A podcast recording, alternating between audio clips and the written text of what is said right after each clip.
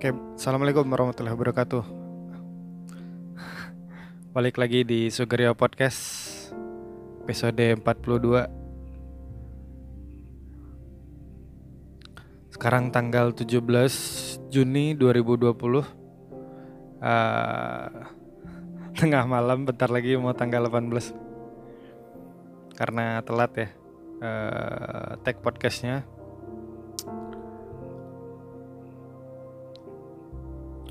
Sebenarnya sih uh, nungguin trigger dulu ya. Tak kenapa uh, belakangan sering sering udah ini udah mau prepare buat rekaman tapi tiba-tiba nggak jadi gitu.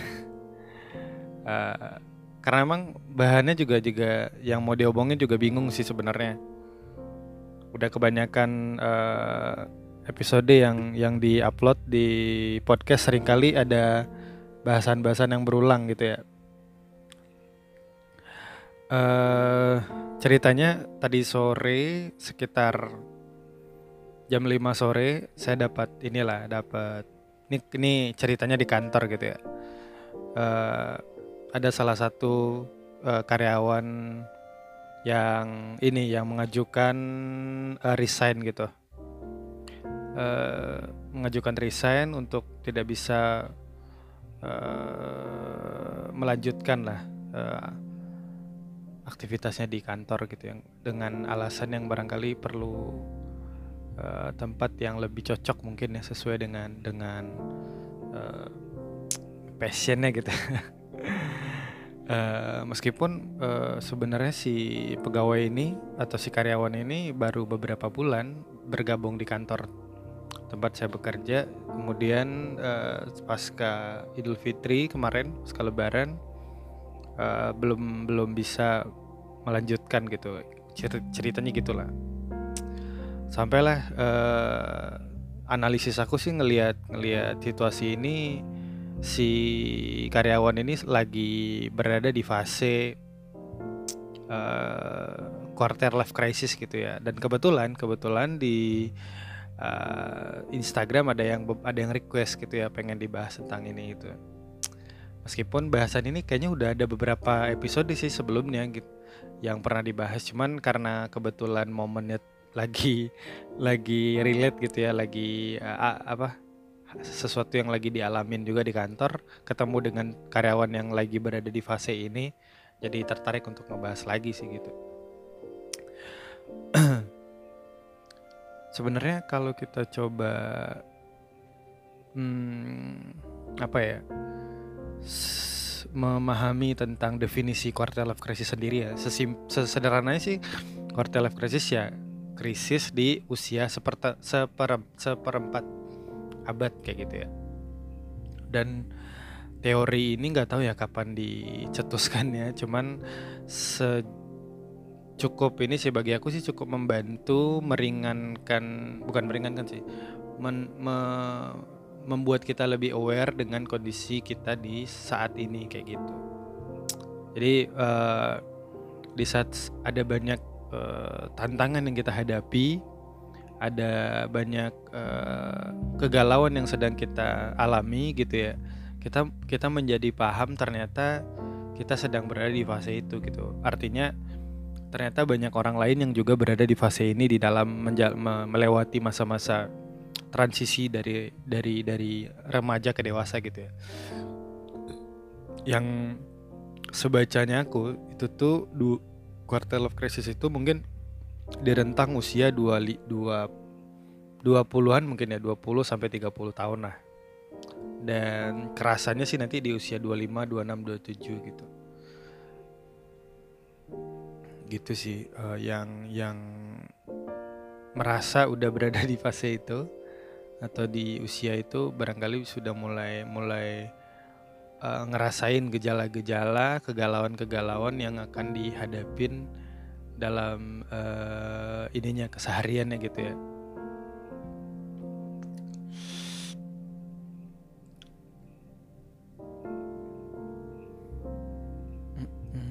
Kemudian kalau gejalanya apa ya? Oke, kalau mungkin kita coba ini ya, coba cari eh, kira-kira apa sih gejala dari uh, quarter life, quarter life crisis. Kalau di kita coba cek di internet nih, aku nemu sebuah artikel yang menarik. Tapi kita uh, boleh jadi nggak ngalamin semuanya kayaknya sih.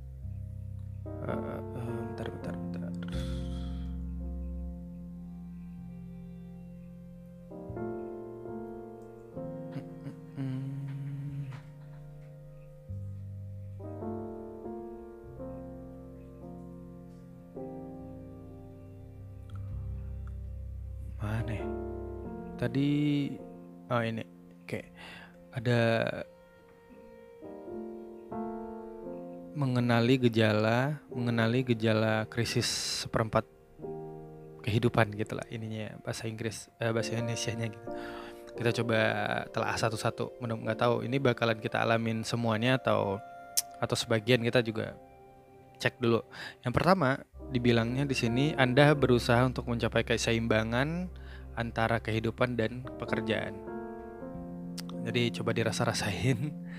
Uh, kalau aku sendiri sih kayaknya relate sih, kayaknya cukup relevan dengan apa yang aku alami di dua tahun terakhir barangkali.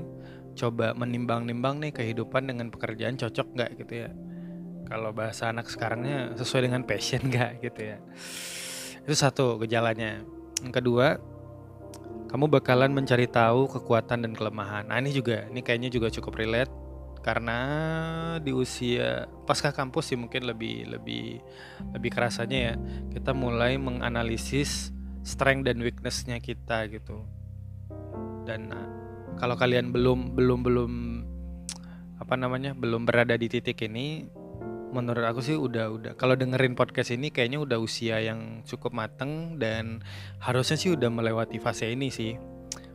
Walaupun belum melewati secara menyelesaikan masalahnya setidaknya sedang berada di masa uh, perenungan itu gitu ya.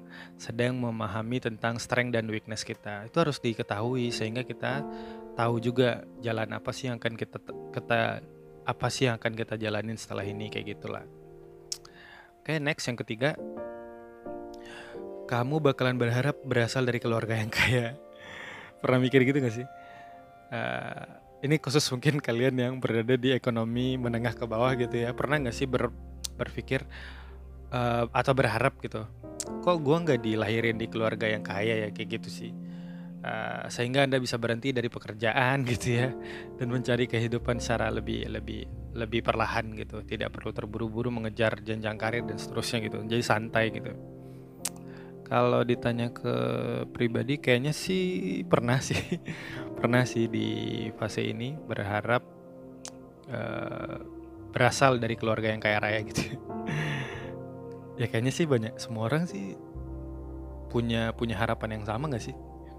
Oke, okay, itu next next aja dulu itu gejala yang ketiga, yang keempat Anda hampir agak-agak tertekan. Maksudnya uh, kamu ngerasa uh, sepanjang waktu kita tuh uh, sering dep bukan depresi ya.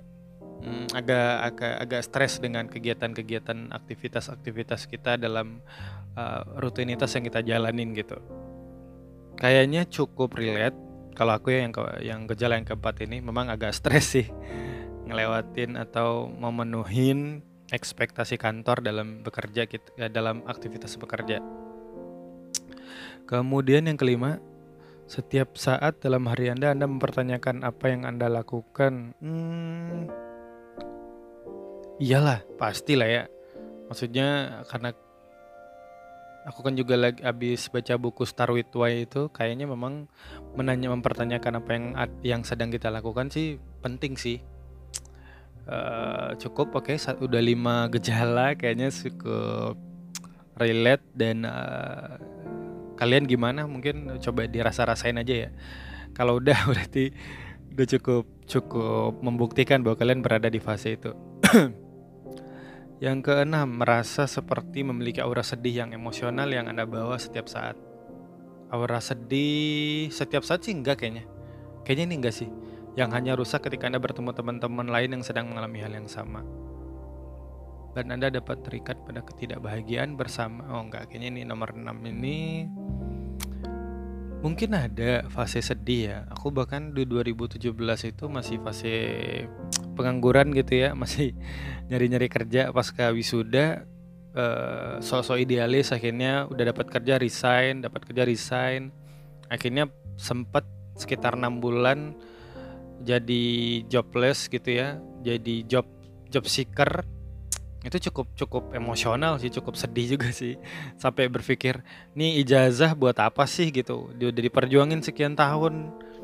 Ternyata nggak ada nggak ada gunanya gitu Sam pernah di titik itu sih. Kalau memang uh, bukan setiap saat sih berarti anda bakal ada sedih di suatu momen gitu mungkin ya.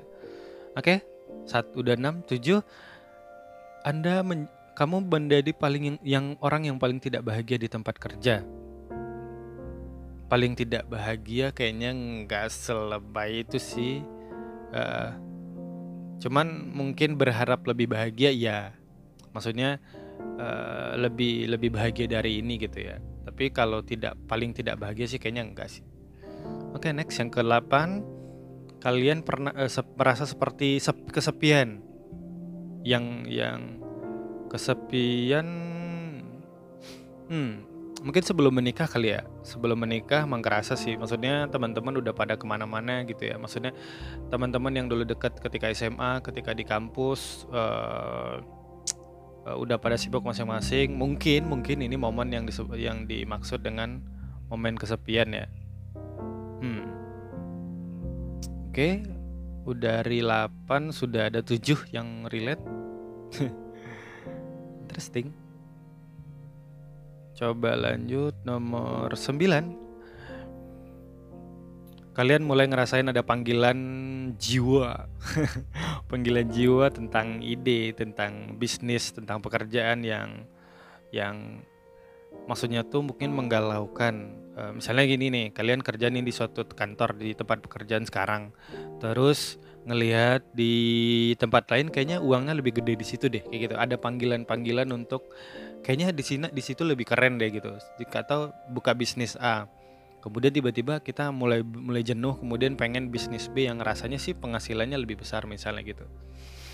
Hmm, kalau aku sih relate oke. Okay.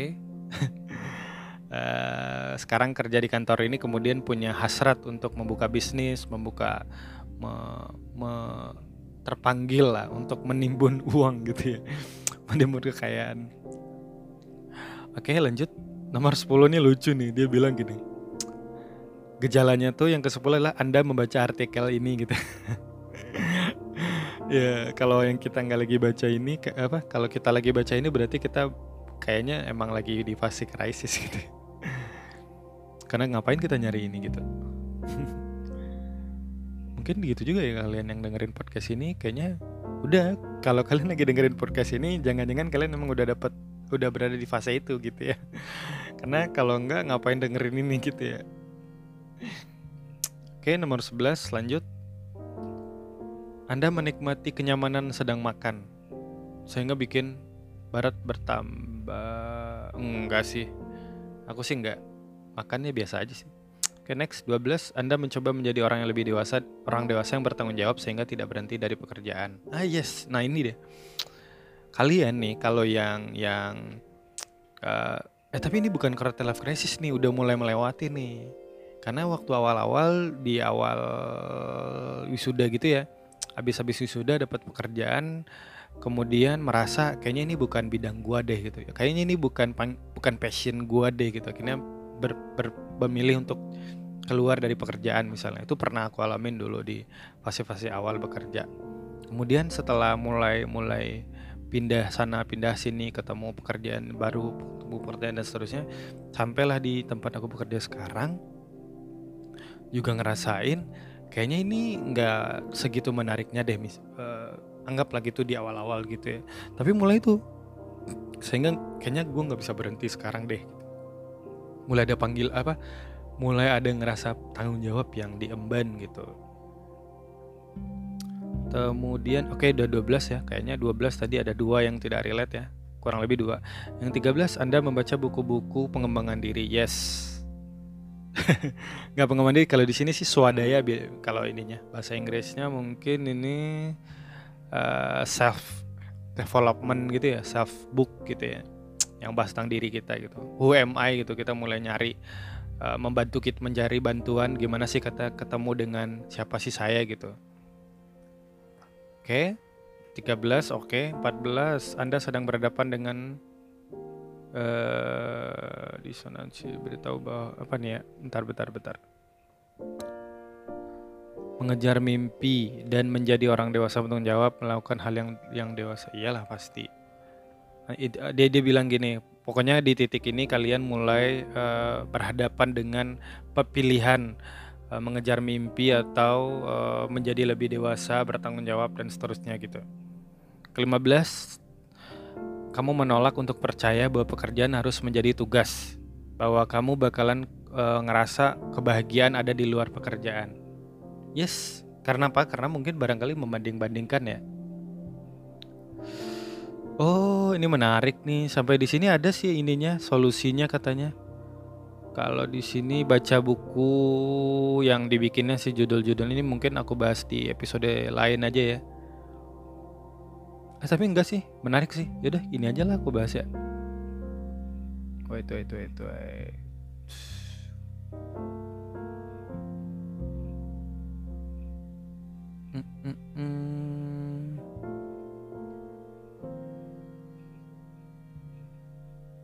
Mana tadi? Oke.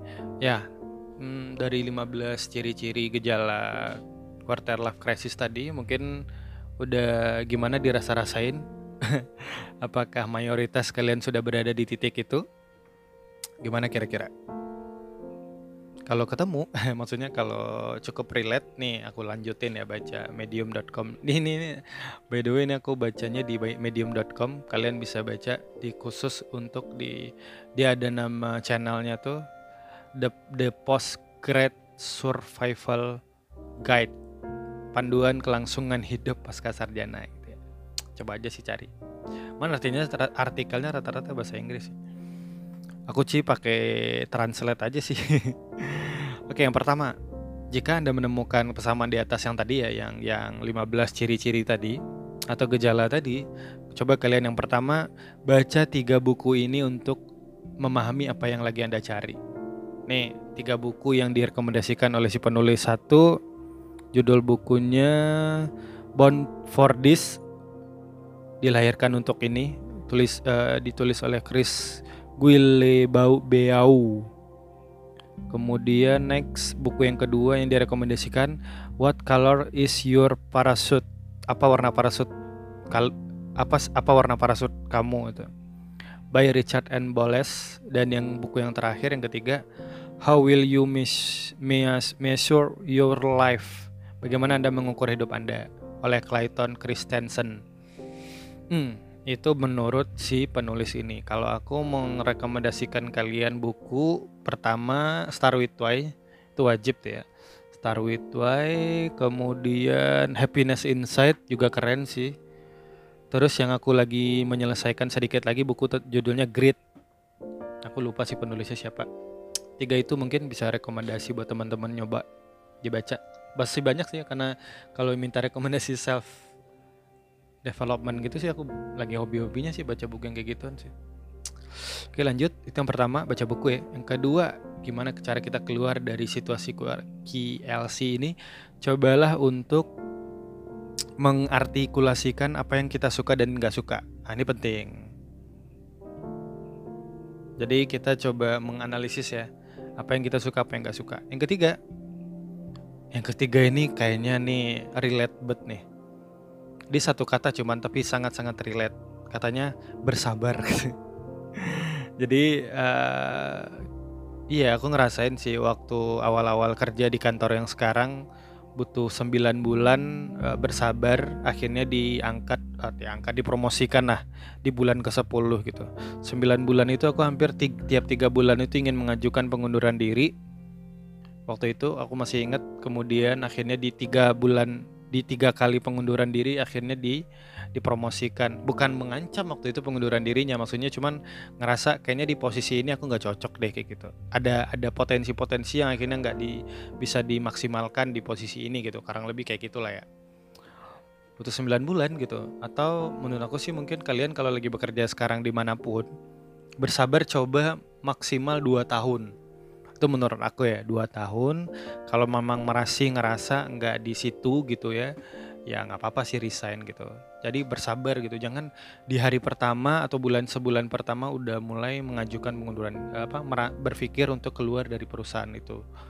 Kecepatan gitu. Sebulan itu waktu yang sangat singkat. Kalian harus beradaptasi dulu menyukai dulu apa yang yang ada di kantor dan seterusnya gitu. Jadi bersabar ya uh, ini yang keempat aku nggak ngerti sih dia bilang ada quote dari siapa nih. Hmm, katanya all that is gold does doesn't glitter. Tidak semua emas yang berkilauan itu ya? Nggak ngerti sih. Yang yang kelima lanjut atau yang terakhir? Dibilangnya tertawa. Hmm. Tertawalah iya ya udah kita seneng-seneng aja gitu. Kita nggak harus berjalan seperti mayat hidup yang menemukan gaya yang menemukan passion gitu ya. Kemungkinan itu bakalan datang kepada kita dan saat kita, dan dan kita bakalan bahagia gitu. Oke? Okay? barangkali itu dulu mungkin uh, cerita kita pada malam hari ini. Uh, yang coba aku simpulin sih kalian di mana pun sekarang berada di fase apa pun di fase lagi berat fase lagi jatuh, fase lagi galau, fase lagi gagal, fase lagi bingung menentukan sebuah keputusan, apalagi di usia yang rentan dengan dengan yang lagi krisis di seperempat abad. Semua ini bakalan berlalu, men. Men. Semua ini bakalan berlalu, teman-teman. Yang penting kita kerjakan, bergeraklah, kerjakan apa yang menurut kita yang terbaik,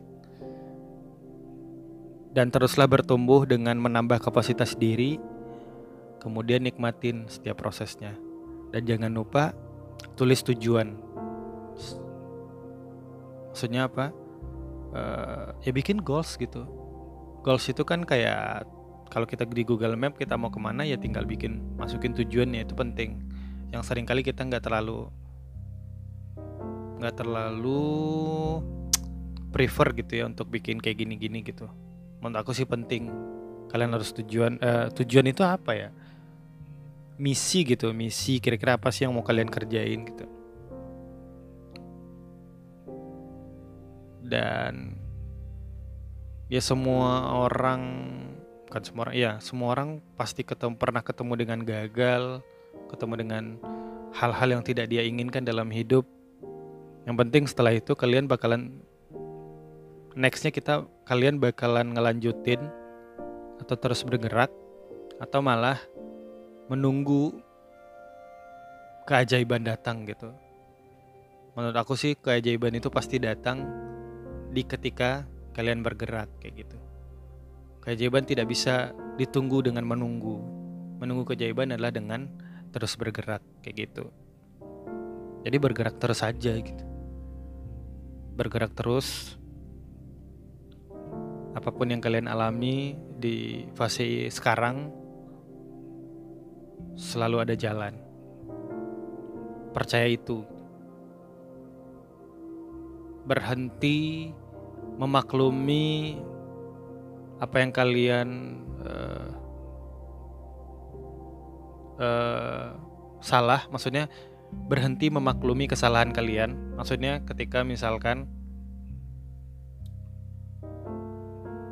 kalian ngerasa gagal sesimpel ingin mendaftar sebuah pekerjaan kemudian tiba-tiba kalian telat misalkan karena bangunnya kesiangan ya udah berarti itu bukan pemakluman yang harus kalian kedepankan. Tapi ya di dievaluasi berarti kalian udah bikin sebuah kesalahan tidak bangun pagi gitu. Apa sih aku ngomongnya? Pokoknya gitulah ya. Aku juga ber- bukan berarti udah keluar dari zona quarter life crisis ini cuman udahlah. Jangan terlalu lama mempelajari teori ini kecuali kalian memang orang psikologi gitu ya. Tapi kalau kalian ingin ingin menjalani atau ingin segera keluar dari krisis ini udah jangan terlalu banyak mencari teori-teorinya tapi mending habiskan waktu buat keluar dari situasi ini. Habiskan waktu untuk bikin gerakan, bikin kalian eh, jadikan diri kalian untuk terus bergerak sehingga bisa mencapai tujuan yang sekalian inginkan. Oke, barangkali itu. Terima kasih yang udah dengerin. Email email saya di sugariopodcast@gmail.com kalau ada yang ingin diceritain atau DM saya di Instagram @rioavandi. Terima kasih. Assalamualaikum warahmatullahi wabarakatuh. Bye bye.